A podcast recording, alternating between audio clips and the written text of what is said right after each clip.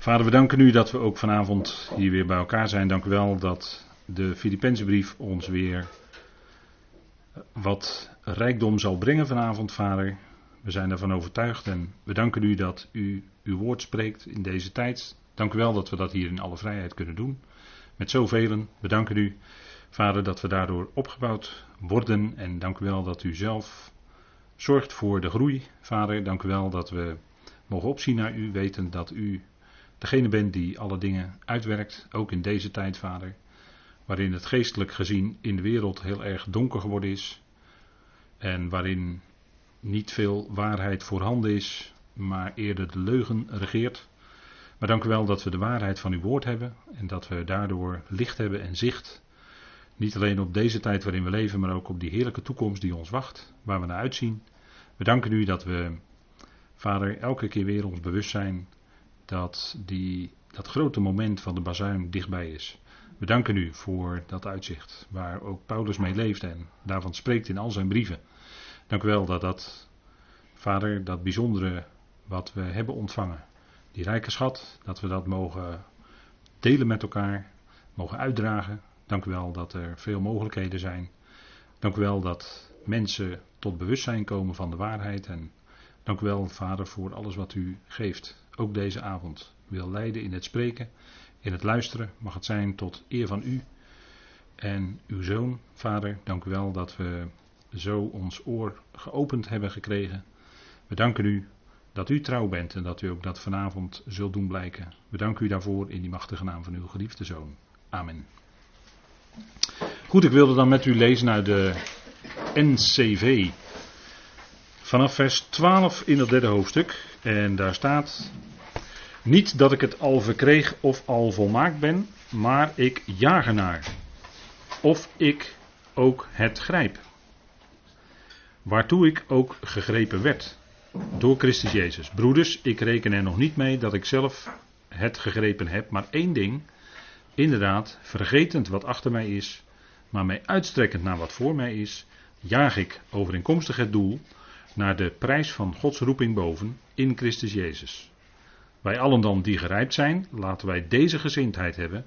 En indien jullie op enig punt anders gezind zijn, ook dit zal God jullie onthullen. Meer nog, waarin wij voor anderen uitgaan, laat ieder dezelfde gezindheid hebben. Volgens de, hetzelfde richtsnoer de grondregels op te volgen. Word gezamenlijk navolgers van mij, broeders. En let op hen die zo wandelen zoals jullie ons tot voorbeeld hebben. Want velen, over wie ik jullie vaak sprak, nu echter spreek ik ook wenend, wandelen als vijanden van het kruis van Christus. Hun voleinding is de ondergang, hun God is het onderlijf en hun heerlijkheid is in hun schande. Ze zijn op aardse dingen gezind. Want ons domein behoort aan de hemelen toe, waaruit wij ook de redder verwachten, de Heer Jezus Christus, die ons vernederd lichaam zal omzetten, gelijkvormig aan zijn heerlijkheidslichaam, in overeenstemming met de werkzaamheid die hem zelfs in staat stelt het al aan zichzelf te onderschikken. Tot zover.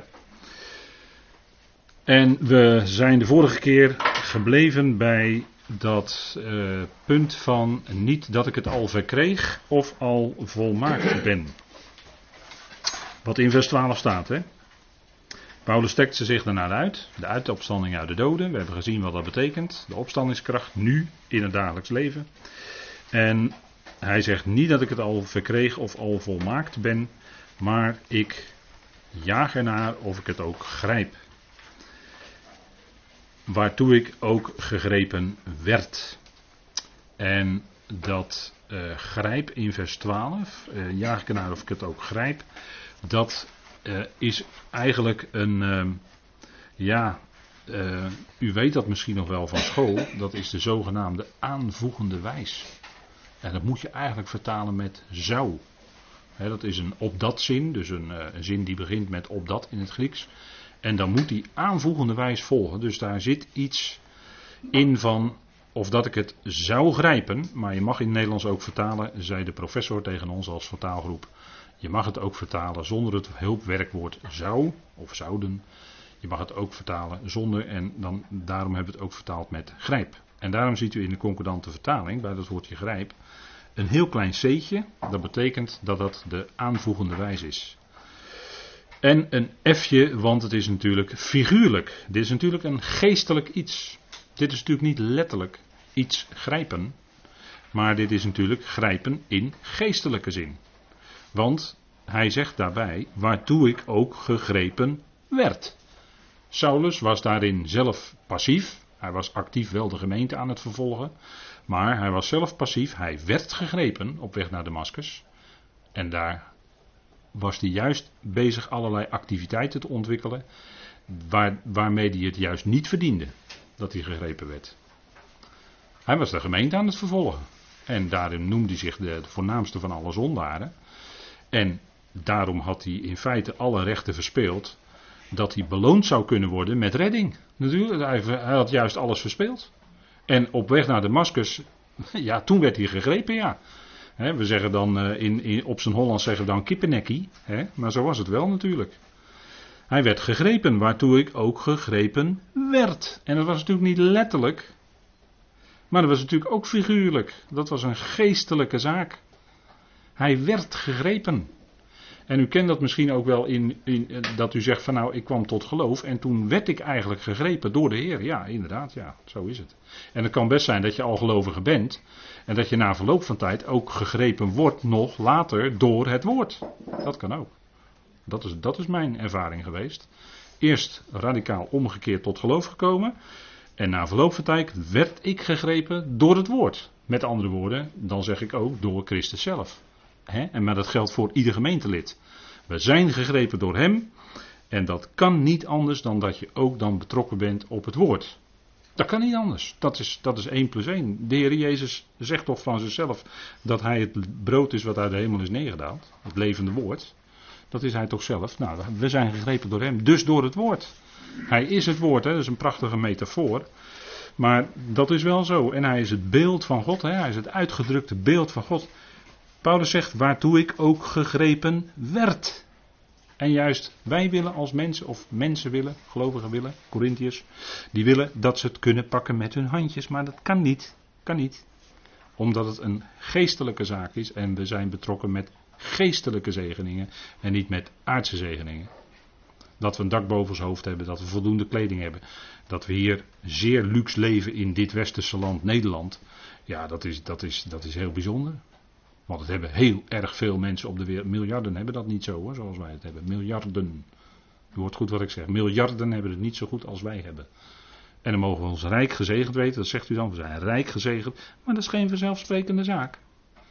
En Paulus zegt toch in 1 Timotheus 6. Als we voldoende onderdak hebben. Een dak boven ons hoofd. Kleding. Warmte.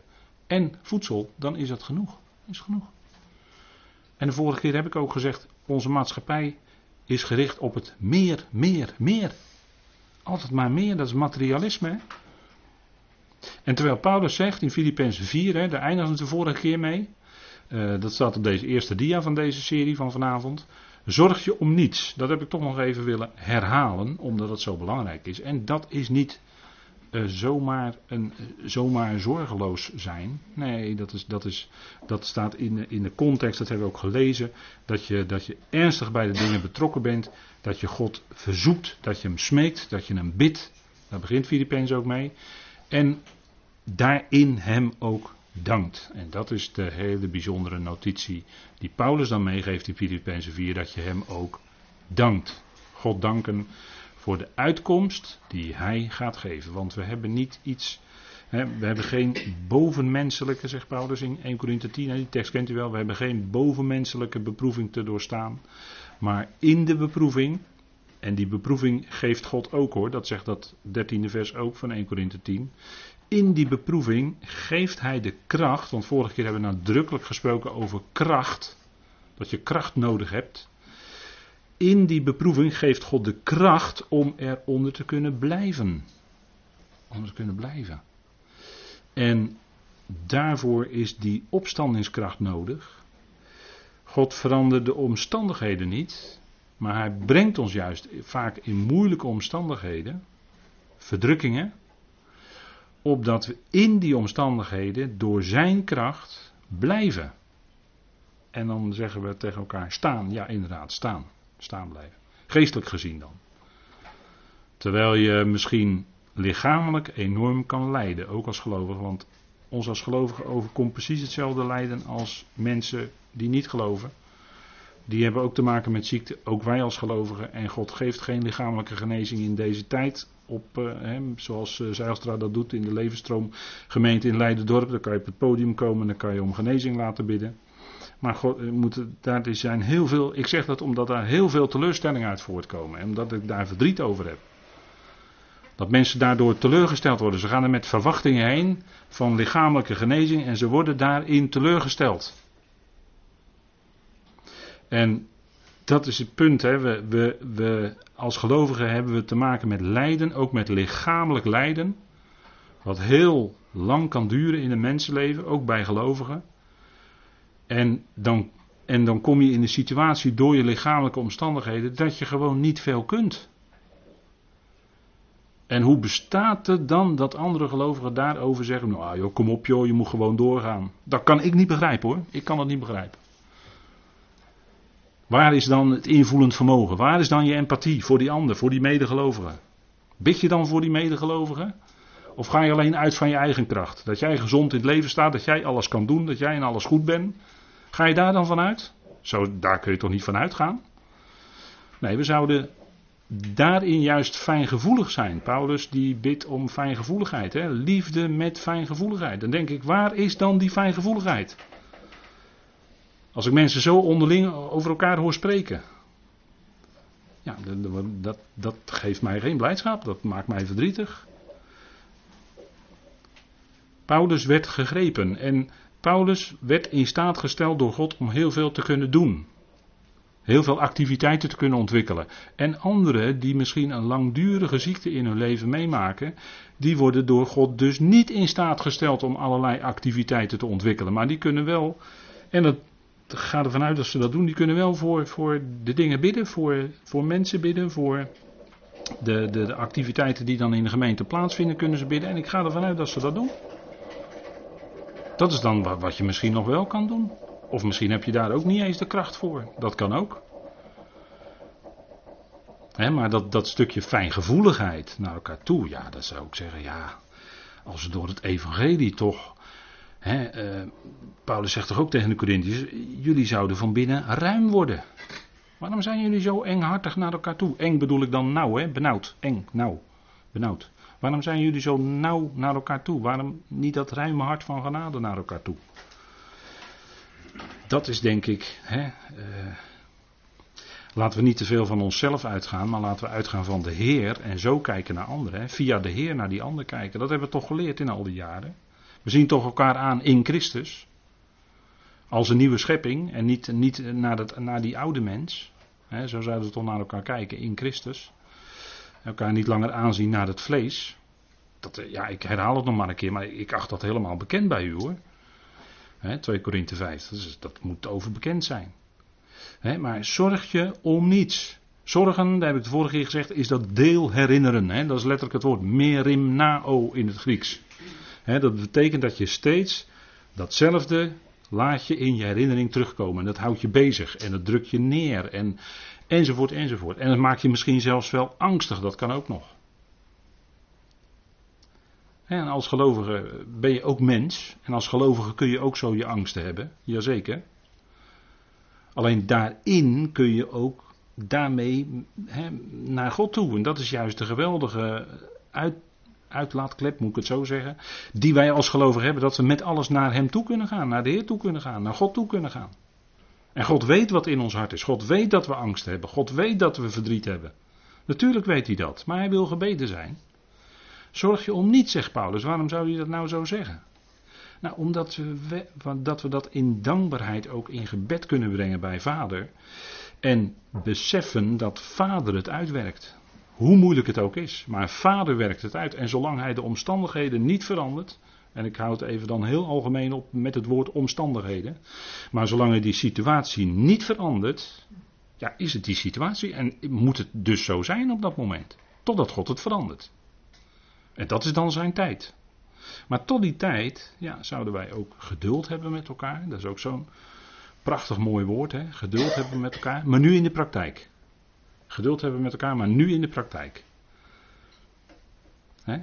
Macrotumia, dat wil zeggen dat je, macro is groot, hè? dat je heel lang met elkaar de moed erin houdt. Dat wil dat woord eigenlijk zeggen.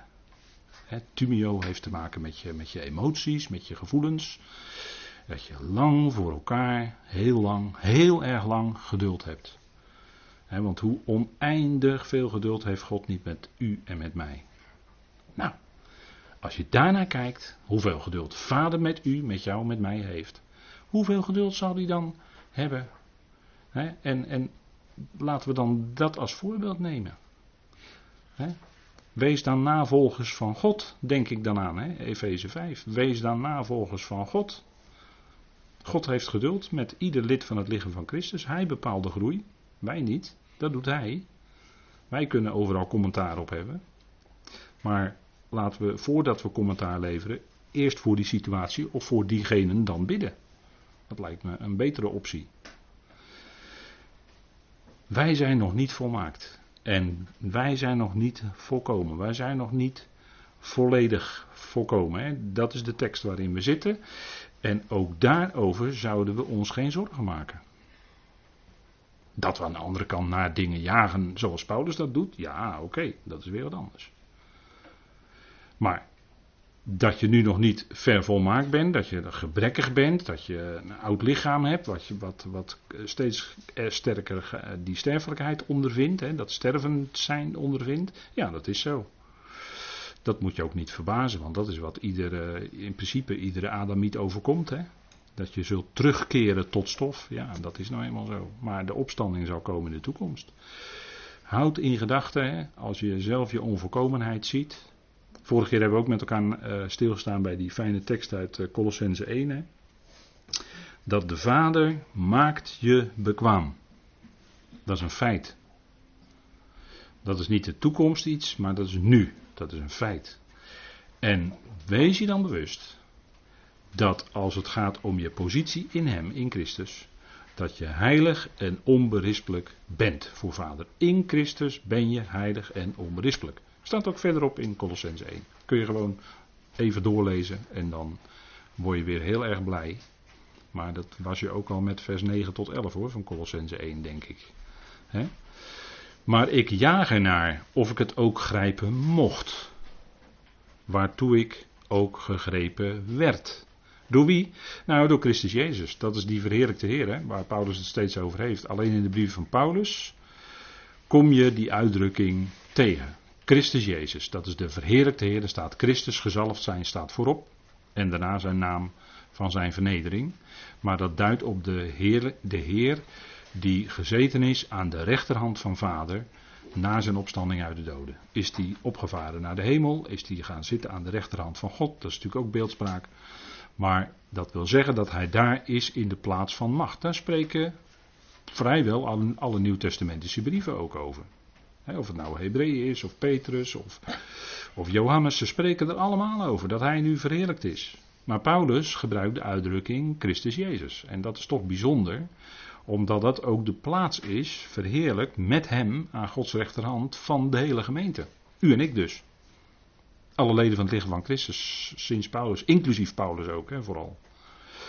Ja, ik jaag ernaar of ik het ook grijp. En dat jagen, dat is wel een bijzonder woord, want dat is hier uh, positief gebruikt, hè, zoals we dat dan zeggen. Ik jaag ernaar. Maar je kan ook nagejaagd worden. En dan gaat het om vervolgd worden. Hè, dat woord vertalen we dan met vervolgd worden. En dat is wat kan gebeuren. Hè? Dat, dat je het gevoel hebt dat er op je gejaagd wordt. En waarom is dat? Nou, de Heer overkwam dat. Waarom overkwam de Heer dat hij, dat hij vervolgd werd door de Joden? Waarom, waarom overkwam hem dat? Omdat hij het woord van de Vader sprak. Het ging om dat woord. Wat hij bracht. Hij sprak zoals nog nooit iemand gesproken had.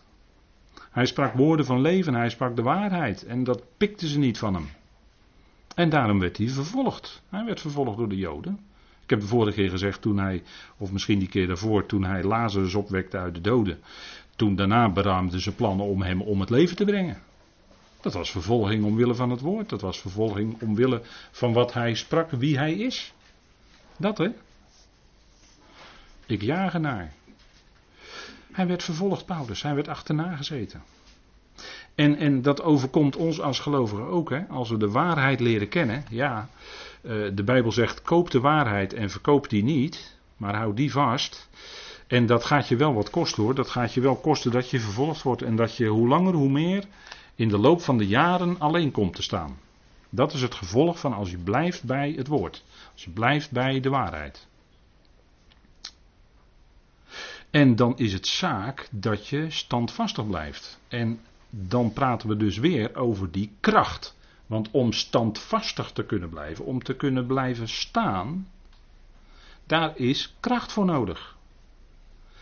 En je hebt die kracht nodig, want kijk, als je blijft in de situatie van onmondigheid, van kind zijn, eigenlijk bijna moet ik zeggen van baby zijn, dan word je meebewogen. Laten we het even met elkaar lezen. Uh, Efeze 4, bekende tekst hè. Maar dat is het punt waarom wij onderwijs ontvangen en ook dat steeds opnieuw ontvangen. En dat is niet omdat wij uh, heel leuk met allemaal lettertjes en tekstjes enzovoort bezig willen zijn met elkaar. Daar gaat het helemaal niet om. Het gaat erom dat wij daardoor opgebouwd worden, dat we daardoor groeien in geloof, dat we volwassen worden en dat we dus kracht hebben om bij die waarheid te blijven, om daarop te blijven staan. Want het kan zomaar gebeuren, als je dat niet doet, als je dat, dat woord, als dat woord, dat horen van het woord, het lezen van het woord, hoe je dat dan ook maar doet, als dat uit je leven wegslijt, dan garandeer ik u dat deze waarheden die u kent ook uit uw leven wegslijten, uit uw denken wegslijten. Uit je hart verdwijnen, dan is het weg, na verloop van tijd is het weg, weet je het niet meer. Daarom heb je constant die voeding van het woord nodig. En wij zouden volgroeid worden, zegt Efeze 4, tot gerijpt man, vers 13, tot het formaat van het volgroeid zijn van het complement van de Christus, opdat wij geen onmondigen meer zijn. Dus daar hebt u het, hè? Geen onmondigen meer zijn. We zouden dus groeien. En dat kunnen we zelf niet bewerken, maar we kunnen wel horen naar het woord en bidden of God daarin ons wil, jou en mij wil doen groeien. En dan is dat een geweldig proces wat God dan in werking zet. Opdat wij geen onmondigen meer zijn, zwalkend en meegedragen door iedere wind van leer. Dat woord zwalken heeft te maken met, een, uh, met, uh, ja, eigenlijk met golven. dat je uh, met een schip op de golven, dan word je, als, als die golven hoog gaan, dan wordt het schip heen en weer geslingerd, weet je wel. Aan de ene, ene kant zo, aan de andere, dan is het weer zo. je gaat alle kanten op. En meegedragen door iedere wind van leer iedere wind van onderricht. En dan wordt er daar in de christenheid weer wat geroepen. En dan wordt er daar weer wat geroepen. En dan is er weer die lering. En dan, uh, tien jaar geleden moesten we, moest de christenen met z'n allen dit doen. En nu zijn we tien jaar verder en moeten ze met z'n allen weer dat doen. Is er weer een nieuwe lering gekomen. Iedere wind van leer in de grilligheid van de mensen door list, want het is wel listig hoor, want de tegenwerker zit daar natuurlijk achter. In de grilligheid van de mensen door list, om de stelselmatigheid van de dwaling te bewerken. Kijk, weet u wat een geweldig middel is om die stelselmatigheid van de dwaling te bewerken en in stand te houden? Dat is traditie. Dat is uh, rituelen. We hebben helemaal geen rituelen. Niets. Het lichaam van Christus kent geen enkel ritueel. Helemaal niets. Want rituelen is afleidend van Christus. Christus is ons in de plaats gekomen van welke ritueel dan ook, van welke filosofie dan ook, het antwoord is in hem. Om de stelselmatigheid van de dwaling te. Dat stelselmatige, dat is traditie. En die tradities die zijn vastgelegd in geloofsbelijdenissen. In belijdenissen, want die blijken in de praktijk sterker dan het woord van God. Of belangrijker, in de praktijk zeg ik, hè? niet in theorie. In theorie zullen ze zeggen, nee, de schrift staat bovenaan. Sola scriptura. Maar in de praktijk in de praktijk is het zo dat tradities belangrijker zijn dan de schrift zelf. En als jij dan met de schrift aankomt, dan is het gewoon niet zo. Want de traditie zegt anders. En men moet om bijvoorbeeld uh, voorganger of predikant te worden, moet men dan bepaalde formulieren ondertekenen, onderschrijven dus. En dan ben je voor, de rest van je leven, voor je, voor je tractement ben gebonden. Zo werkt dat. En zo houdt men dus het stelselmatige in stand houdt men dus in stand. Zo, dat, dat is het systeem. En dat geldt, ik heb het nu over protestantisme, maar het geldt binnen de Rooms-Katholieke Kerk natuurlijk net zo. De paus, En de, de, hele, hè, de, de hele hiërarchie, de kerkelijke hiërarchie. Dat is allemaal een systeem. En als jij daar tegenin durft te gaan, nou, dan moet je bij de paus komen in Rome of op afstand word je ontslagen. Dat overkwam uh, onlangs ook een hoge geestelijke binnen de Rooms-Katholieke Kerk. Ja, dan zegt de paus gewoon, nou, je bent ontslagen. Je mag wel binnen de kerk blijven, maar uh, je mag niet langer in functie. Zo gaat dat. En zo houdt men het stelselmatige van de dwaling in stand. En dat is punt, wij zouden niet meebewogen worden door allerlei wind van leer, want ook op evangelisch erf is allerlei wind van leer. En de, het, uh, je, je kenmerkt jezelf als onmondige als jij meegaat met al die wind van leer en je weet helemaal niet meer hoe het zit. Je luistert en je hoort soms wat goede dingen. En dan, uh, dan, dan hoor je weer wat anders. En dan op een gegeven moment ben je helemaal de weg kwijt. Weet je helemaal niet meer hoe het zit. Ben je totaal in verwarring en zo gaat het. Wind van leer. Wind van onderricht. En daarom zei ik de vorige keer, we hebben zo'n prachtig spoorboekje. Geef het door aan mensen. Geef het door aan medechristenen en medegelovigen. Dan zet je ze op het goede spoor. Er zijn er nog heel wat van hoor, die spoorboekjes. En die zijn niet voor niks gedrukt. Die zijn gedrukt om door te geven. Niet om te liggen verstoffen in de aker. Laat staan uh, weggooien, want dat heeft iemand gezegd. Maar ik, nou, het is maar goed dat ik die naam niet weet. Die ooit geroepen heeft dat het allemaal maar weggegooid moest worden. Het is goed dat ik die naam niet weet. ja, dat, dat zijn dingen die, uh, die doen dan gewoon heel erg veel pijn. En dat, dat laat ik u dan even horen. Kijk, vervolging om het woord, vervolging om het woord, dat is wat de Heer overkwam. Hè? Um, dat is ook wat gelovig kan overkomen. En daardoor kan je helemaal vleugellam raken. Daardoor kan je helemaal verlamd raken. Hè? Door vervolging, door druk die op je wordt uitgeoefend, geestelijke druk. Hè, want als je met die waarheid van het woord bezig bent, en tijdens de gelaten brief heb ik regelmatig gezegd, rondom het woord is er altijd strijd. En dat is gewoon zo. Het, het, is, het, is, helemaal geen makkelijke weg, maar het is een, het, is een loopbaan van, van, van tegenwerking, van tegenwind. We hadden het net over wind van. Tegenwind, dat, dat tegen je aan wordt geblazen van alle kanten. Dat gebeurde, dat overkwam Paulus ook, dat overkwam de Heer. Nou, hij werd vervolgd. Paulus werd vervolgd. En, en uh, hij werd vervolgd omwille van het kruis. Hebben we gezien, hè? Ik op, op deze dia staan drie teksten uit de gelaten brief, die erg duidelijk zijn. Hè? Dat het was in de tijd van Hagar en Sarai, was het al zo, dat degene die naar het vlees was, vervolgde degene die naar de geest was. Oftewel, de gebondene vervolgde de vrije. Dat is hetzelfde principe. En Paulus laat zien in Galaten wat het werkelijk betekent. En Paulus werd vervolgd omwille van het kruis. De boodschap van het kruis. Want kijk, dan kom je bij iets waarin een einde gemaakt wordt aan dat oude, aan die oude mens. Dus ook aan het oude denken, ook aan al die rituelen en filosofie. Dat gaat allemaal aan de kant door het kruis. Hè? En daarom werd Paulus daarom vervolgd. Kijk, hij zegt in Galaten 5 vers 11. Maar ik broeders, indien ik nog besnijdenis verkondig, waarom word ik nog vervolgd? Dus is de valstrik van het kruis van Christus buiten werking gesteld. Zij die jullie opstandig maken, moesten zichzelf ook afhouden. Het punt is, kijk, Paulus die verkondigde natuurlijk de besnijdenis niet meer. Nee, hij verkondigde de ware besnijdenis die was van Christus aan het kruis. Dat was de ware besnijdenis waar het allemaal om ging. Het allemaal om ging. Ja. Waarom word ik dan nog vervolgd? Zegt Paulus, als ik besnijdenis zou verkondigen, dan zou ik niet vervolgd worden. Maar ik verkondig het kruis. Dat maakt een radicaal einde aan het vlees, want daar zit punt, hè, het vlees. Het vlees, kijk, tegenwerken die werkt in op het vlees en dan gaat hij mensen aan het werk zetten, ook medegelovigen, om andere gelovigen te vervolgen. Dat gebeurt allemaal. Maar dat is de werking van het vlees. Paulus heeft het verder in, in Galaten 5. We hebben die studies natuurlijk uitgebreid gedaan.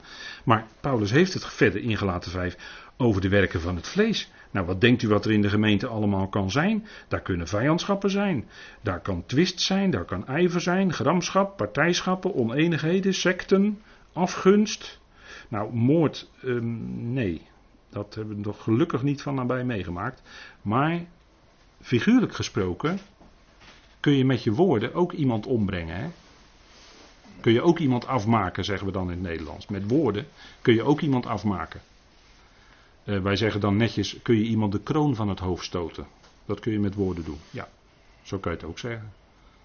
Hè? Dat, dat, uh, ja. Maar goed, dat komt dan voort uit, wat zit daarachter? Het vlees. Daar zit het vlees gewoon achter. En, en dat, is het, dat is het probleem, hè? Wat, wat eh, Paulus natuurlijk zag bij die Galaten. En u weet de achtergrond, dus dat gaan we verder nu niet met elkaar behandelen. Maar als we nog even in 6 vers 12 kijken van Galaten, dan hebben we weer datzelfde principe. kijk, wie er ook goed willen uitzien in het vlees. Kijk, dat zijn degenen die u allerlei regels voorhouden waaraan je moet voldoen. Die willen er goed uitzien naar het vlees. Dat is de buitenkant, hè, heb ik het nu over. Die gedragen zich netjes als anderen kijken. Deze noodzaken jullie besneden te worden, opdat zij niet voor het kruis van Christus Jezus vervolgd worden. Ziet u het? Dus die stellen liever een ritueel, wat niets meer betekent in deze tijd, niets. Stellen ze in de plaats van de boodschap van het kruis, het woord van het kruis. Dat is aan de hand. En daarom, vanwege dat woord van het kruis, werd Paulus vervolgd. En dat kwam door het vlees, menselijke vlees. Hè? Paulus, ja, ja, Paulus apostel. Nee joh, er zijn andere apostelen die zijn veel beter dan Paulus joh. Daar moet je naar luisteren. Hè? Dat soort dingen. Hè? Want dat kan je ook vandaag de dag gewoon nog horen. Kijk, en wat voor ons dan een voorbeeld is, is iemand als Timotheus. Laten we die tekst ook even erbij pakken. 2 Timotheus 3, want dan gaat het ook over vervolging. Dat is allemaal datzelfde woord als jagen, hè, wat we in uh, Filippenzen 3 tegenkomen. Dus daarom ga ik erop in.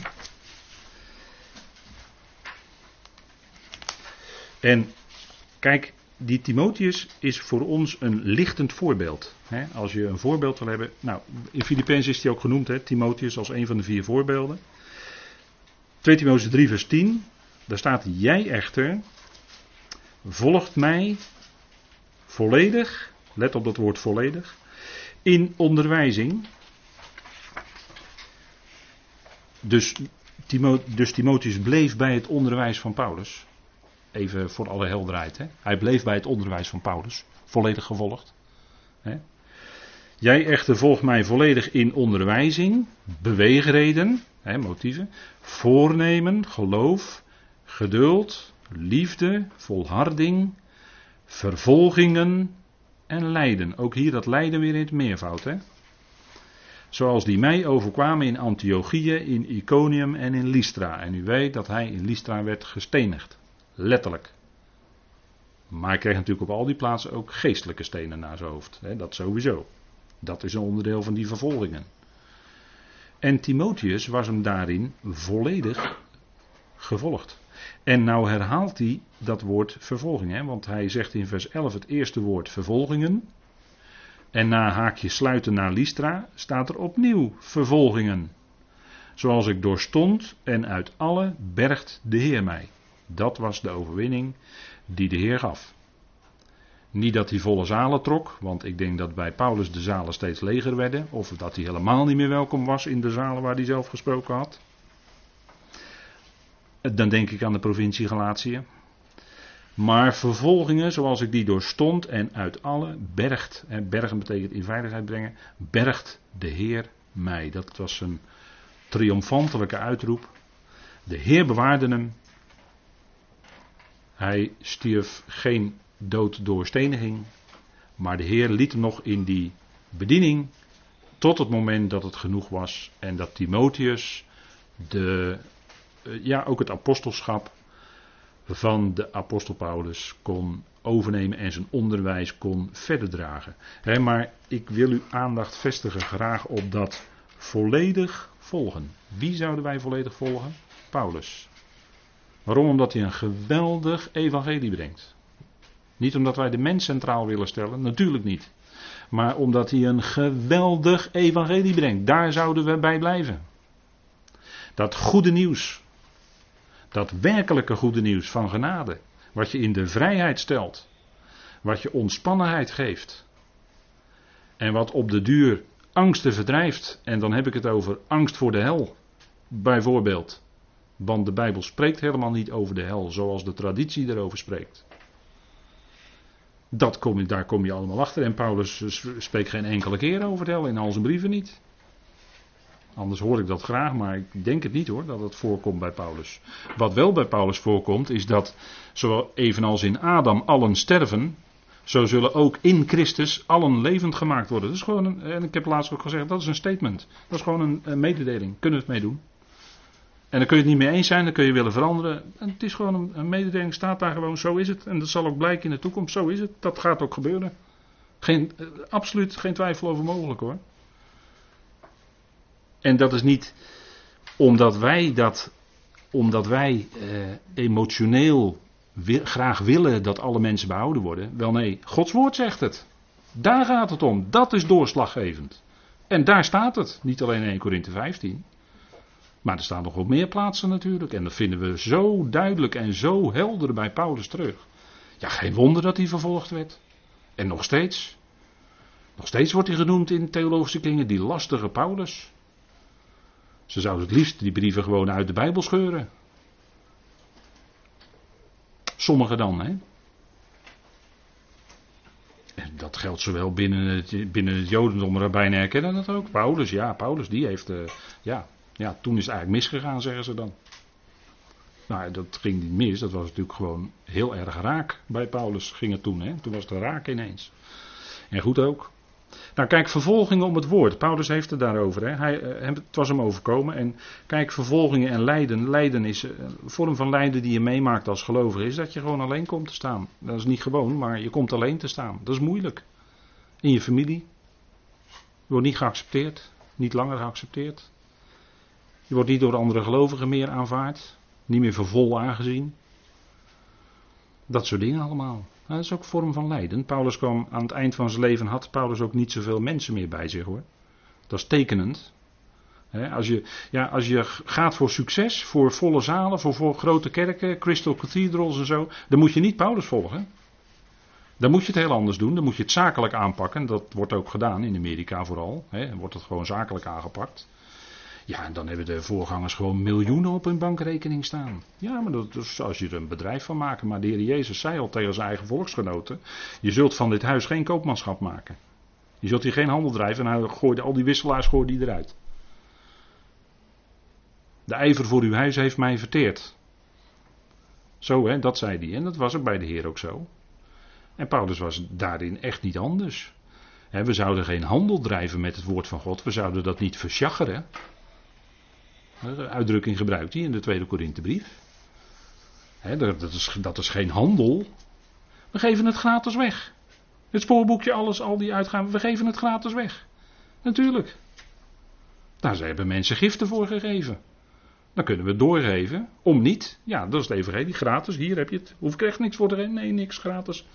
U hoeft er ook achteraf geen gif voor te geven. Zo, zo zijn we niet bezig zo handig zijn we niet. Nee, we zijn heel onhandig. We geven het gewoon gratis weg. En dat is voor niks. Ja, dat is echt voor niks. Nou, ik zou zeggen, geef het door. Hè, want uh, we hebben het ontvangen om niet en geef het dan om niet. Nou, op vervolging om de waarheid. Kijk, dat, daar heeft hij tegen Timotheus over. Hè. Kwaad lijden om het evangelie. Kwaad lijden met het evangelie. Dat is wat hij vier keer in de Timotheusbrief zegt. In de tweede Timotheusbrief. En dat is dan zijn laatste brief. En dat is echt kwaadlijden. Kwaadlijden is dat je verguisd wordt terwijl het niet terecht is. Dat je voor leugenaar wordt uitgemaakt terwijl je de waarheid brengt. Ik weet waar ik over praat hoor. Dat je voor leugenaar wordt uitgemaakt terwijl, door, door broeders terwijl je de waarheid brengt. Ik zal niet naam en toenaam noemen. Maar dat, dat gebeurt allemaal. En dat is een stuk kwaad lijden. Dat zegt Paulus in 2, Korinthe, of 2 eh, Timotheus 2, vers 9. Waarvoor ik kwaad leid tot aan deze boeien als een misdadiger. Ja, Paulus was inderdaad op dat moment dat hij dat schreef, was hij geboeid. Zat hij letterlijk gevangen, zat hij in boeien. En dat boeide hem niet, want hij zegt: uh, het woord van God is niet gebonden. Dat was zijn triomf weer. Hè? Kijk, je kan natuurlijk aan alle kanten in nauw gebracht worden. En Paulus zat hier letterlijk in gevangenschap. Maar het woord van God is niet gebonden. God zorgt er zelf voor dat het woord doorgaat. En dat is nou humor, vind ik. De ambassadeur, die hadden ze gevangen gezet. een daad van vijandschap tegen God eigenlijk. Want dat moet je in het dagelijks leven nu niet doen hoor. Het ene land moet van een ander land niet een ambassadeur in de gevangenis zetten, want dan is het heisa, dan wordt het oorlog. Maar dat hadden de mensen wel gedaan. Ze hadden Paulus als de ambassadeur als gevangen gezet. Als, als was hij een misdadiger. De heer toch ook, die werd toch ook met rovers en misdadigers meegekruisigd. Als was hij een misdadiger, als was hij een crimineel. En Barabbas werd vrijgelaten. De crimineel werd vrijgelaten. Ja, dat is uh, kwaad lijden omwille van het woord. Hè? Maar het woord van God is niet gebonden. God zorgt er zelf al voor dat het doorgaat. Ook al kan je dat nog zo tegenwerken, ook al kan je het nog zo onder je voetjes willen wegstampen. Maar God zorgt ervoor dat het doorgaat. Kijk, dat vind ik humor. Dat vind ik wel leuk. Het gaat toch gewoon door hoor. want ja, hoewel het geloof niet alle delen is, dan kom je ook wel eens tegen. Het geloof is niet eh, deel van iedereen. Nee, in deze tijd is het een uitroeping. Is het een uitkiezen inderdaad. Een uitkiezen van God. Maar uitkiezen is bij God nooit voor tijd, is nooit voor eeuwigheid maar is altijd in zijn plan van eonen. Daar geldt uitkiezen. Maar als het plan van eonen voorbij is, ja, dan is iedereen gered. En dan speelt uitkiezen helemaal geen rol meer. Dat is, dat is nou jammer dat ze dat destijds in Dort, bij de Dordtse leerregels, niet hebben beseft, niet hebben geweten. dat God werkelijk de redder is van alle mensen. Maar daar hebben ze de, die hele predestinatie en dubbele predestinatie. En, en nou ja, goed, ik, laat ik er maar weer over ophouden, want dat is verschrikkelijk. Dan moet je heel je leven afwachten of je wel uh, uitverkoren bent. Wel nee, iedereen is gered door het geweldige offer van Christus. Dat was voldoende. Hij riep uit: Het is volbracht. En toen was het ook werkelijk volbracht. Voor iedereen. Ja, voor iedereen. Alleen God kiest in deze tijd uit de gemeente, het lichaam van Christus. En hij kiest uit in zijn plan Israël als instrument op aarde en wij te midden van de hemelsen straks. En waar staat het in de Bijbel? Nou, staat in de Efezebrief. Te midden van de hemelingen, de toekomst. Wat wij gaan doen, staat in de Efezebrief. Staat daar gewoon allemaal. Alleen er wordt overheen gelezen of het is wegvertaald of wat dan ook. Maar het staat er wel hoor. En kijk, mensen die kunnen in eerste instantie blij zijn met het woord. Maar als het woord dieper gaat doorwerken, want het is, het is gewoon een tweesnijdend scherp zwaard, dat is wel zo. als het dieper gaat doorwerken, dat woord, dieper gaat snijden, dan gaat het van één scheiden ziel en geest.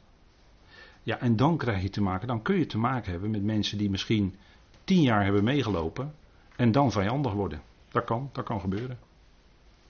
Daar maakte Paulus ook mee. En dan, want dat is de werking van het woord. En er wordt gezegd, ja, zover willen wij niet mee. Soms heel bewust hoor, zover willen wij niet mee, tot hier toe en niet verder. En als je verder gaat, dan gaan wij eh, daar tegenin. Dan gaan we protesteren. Dan gaan we tegenspreken. Had Paulus ook, ook wel eens last van, geloof. Tegensprekers hier en daar. Nou, goed. Dat over die geestelijke strijd. Hè. Wat zouden wij najagen? Want we hebben het over jagen naar hè, in dat vers. En Paulus noemt dat woord jagen ook in vers 14. Dus in Filippenzen 3, vers 12 en vers 14 wordt het woord najagen gebruikt.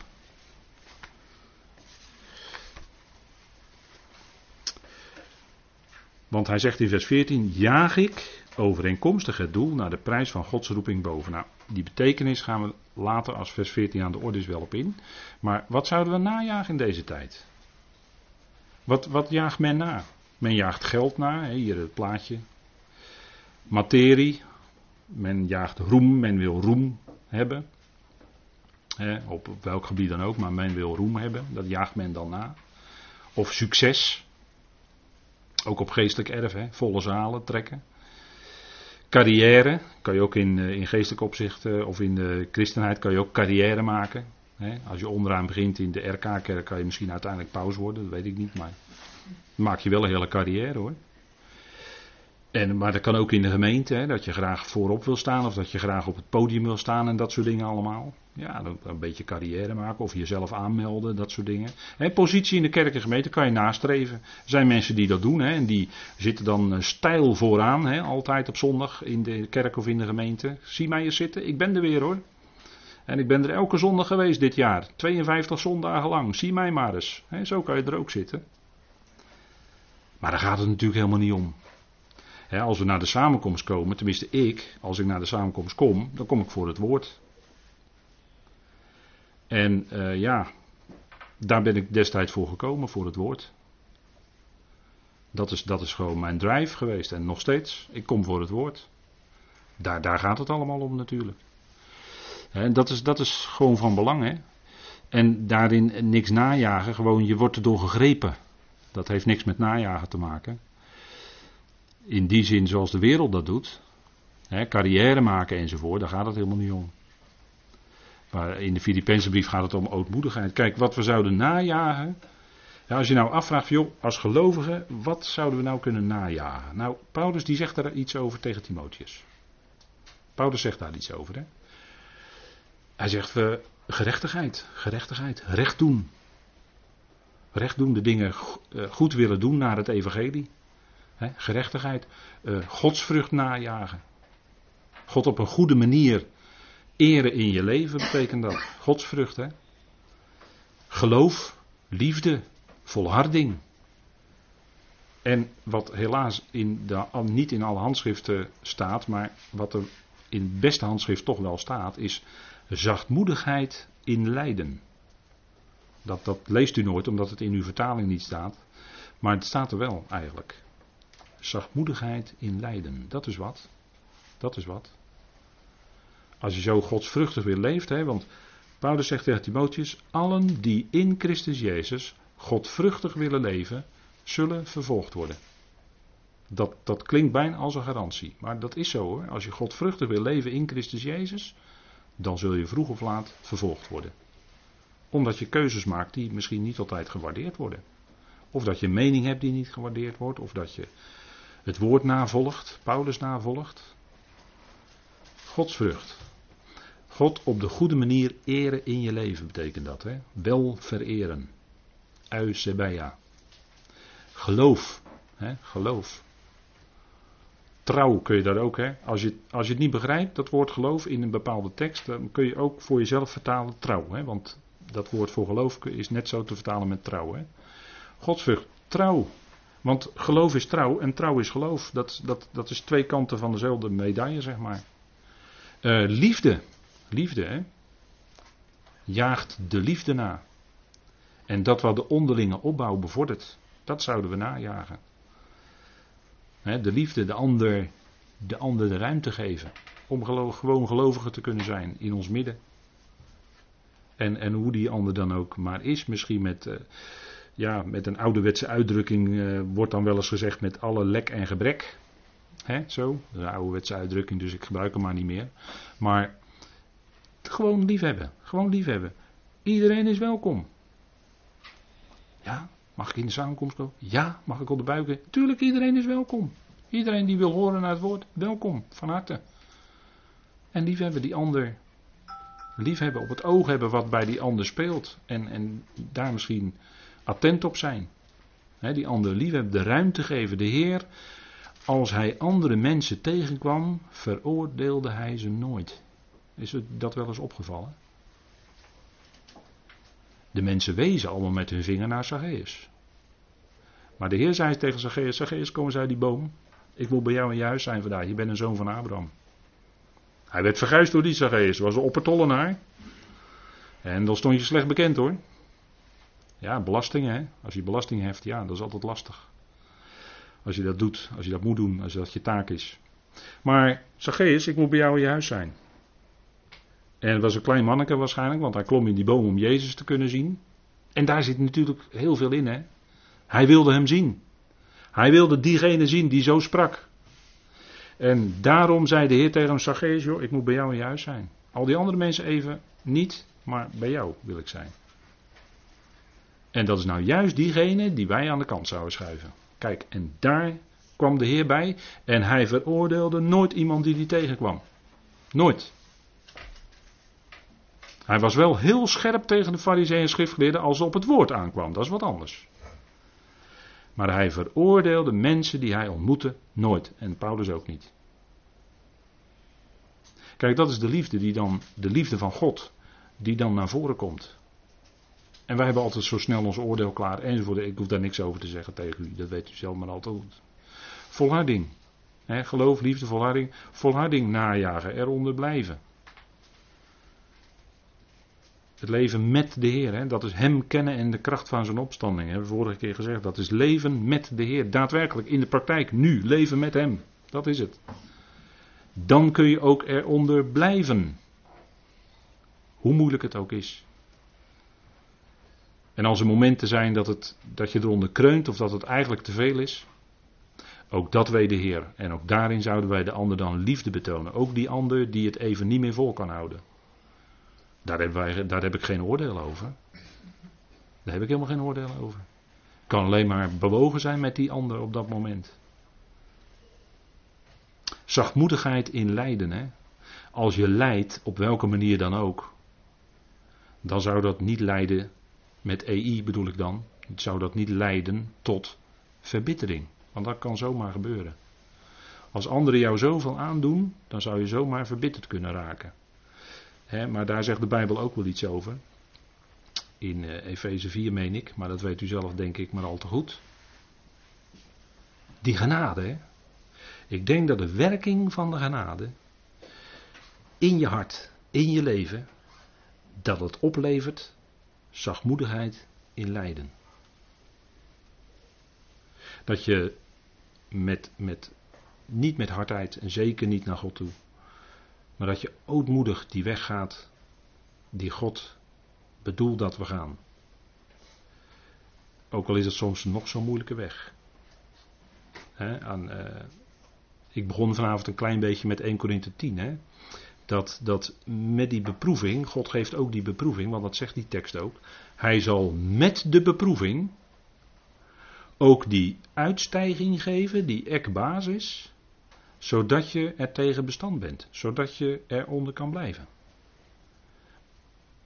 Dus hij geeft die kracht om eronder te blijven en hij geeft tegelijkertijd ook de beproeving waarin je bent. En dat punt is heel moeilijk voor ons. Job was een gelovige, die zondigde met zijn lippen niet. En hij zei tegen zijn vrouw: Zouden wij het goede uit de hand van God ontvangen en het kwade niet? Job zondigde met zijn lippen niet, hè? dus hij aanvaarde het kwaad wat hem overkwam uit de hand van God. Dat is wat, dat is wat. En het was een hele moeilijke weg die je op moest gaan. En het was verschrikkelijk moeilijk. En het zal heel veel tranen hebben opgeleverd. Heel veel tranen, heel veel verdriet. Maar we zien ook de uitkomst. Hè? De uitkomst van Job, daar spreekt Jacobus over. De uitkomst. Job had door die hele moeilijke weg heen God beter leren kennen. Hij had van hem gehoord, maar nu had hij hem gezien. Gezien. Dat is een veel nauwere verbindenis dan alleen horen. Daardoor zei Job eigenlijk van, ik heb u veel beter leren kennen. Door het lijden heen. Dat zijn moeilijke dingen. God geeft aan de mensen de ervaring van het kwaad, zegt uh, prediker 1. God geeft aan de mensen de ervaring van het kwaad, zodat de mens daardoor verootmoedigd wordt. Want de mens, de oude mens, heeft dan wel eens de neiging om zich boven anderen te verheffen. Om hoogmoedig te zijn. En God breekt dat af. Uh, hij zegt ook in uh, Jacobus, oh, ook in Jacobus, uh, hij zegt ook, God weerstaat de hoogmoedigen. Maar de nederige schenkt hij genade. En daar, daar zit natuurlijk heel veel in. dat, dat is de God die niet zo te horen is hoor. Op deze manier wordt er niet zo vaak gesproken over God. Er wordt veel vaker gesproken over God dat alleen al het goede van God komt en al het kwade en de duisternis en allemaal van de tegenstander. En de ziekte en noem alles maar op. Als je de Bijbel gaat bestuderen, lezen, aandachtig gaat lezen, en dan heb ik het alleen al over tenag, dan kom je toch tot andere, andere inzicht. Maar dan moet je de Bijbel gaan lezen zonder al die tradities, zonder al die meningen. Gewoon de Bijbel lezen. En wat je dan tegenkomt is dat God het is die zowel doodt, maar ook doet leven. Dat is het ook, hè? Hij is degene die doodt, maar ook doet leven. En dat is het. Daarin zit uiteindelijk waarin God zich rechtvaardigt in al wat hij doet, want hij zal uiteindelijk aan een ieder leven geven.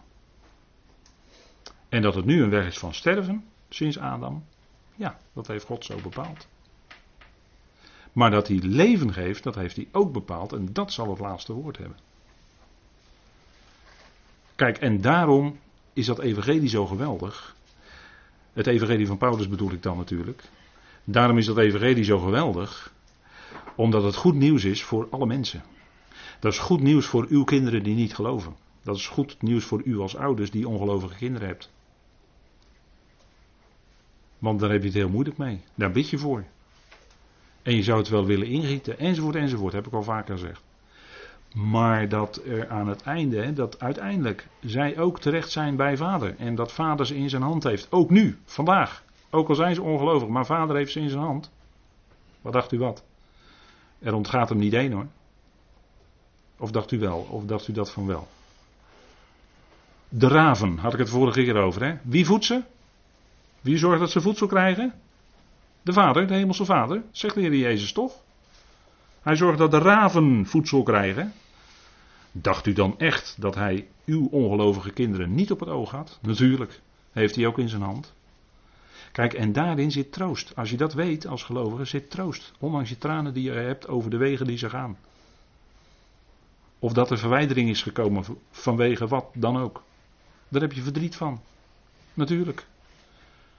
Maar in dat verdriet kennen we toch die weg naar vader.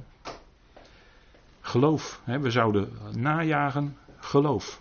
Hoe kun je dat nou najagen? Nou, voed je dan met die woorden van het geloof van de uitstekende leer. Dan jaag je geloof na. En niet je eigen denken. Want je eigen denken zet je altijd op het verkeerde spoor. Maar dan wordt je denken wordt gecorrigeerd door wat je hoort uit het woord, wat je leest. En dat is geloof. Ons denken zou bepaald worden door geloof. Datgene wat wij weten mogen uit dat woord. Liefde, vrede. Dat zijn die geweldige notities vanuit het evangelie. Die dingen najagen. Daar gaat het om. Dus dat is natuurlijk een totaal ander denken zit je dan in dan de wereld. Hè? De wereld jaagt succes en alles wat maar. Maar dan ben je, je wordt, ja, je wordt toch, toch in zekere zin van binnen. Word je toch wereldvreemd. Want je, je denken wordt steeds veranderd door het woord. Romeinen 12 eh, denk ik nu aan. Hè? De Romeinen 12 vers 1 en 2. Je denken wordt steeds veranderd door het woord. Dus wij zouden van binnen in ons denken, in ons hart niet wereldgelijkvormig zijn. En andere gelovigen zoeken het juist aan de buitenkant. Dat is nou juist het merkwaardige. Die zoeken het dan in uiterlijke, dingen als kleding of als uh, voorschriften van. Uh, nou, noem maar op, hè, dat weten we maar al te goed. Maar dat is aan de buitenkant. Maar het gaat juist om de binnenkant, dat we aan de binnenkant in ons hart niet wereldgelijkvormig zijn. En dan hebben we wijsheid onder gelovigen voorhanden. Als er, als er iets speelt, dan is de wijsheid onder gelovigen, want dat is de wijsheid die God geeft door het woord. Zo hè, die dingen. Dat, dat zouden we najagen. Hè? En dan zegt Paulus, waartoe ik ook gegrepen werd door Christus Jezus. De verheerlijkte, hij ontmoette hem op weg naar Damascus. En tegelijkertijd, toen Ananias naar hem toegestuurd werd. Trouwens, een hele mooie naam, Ananias. Maar die bewaar ik voor na de pauze. Want we gaan eerst pauzeren.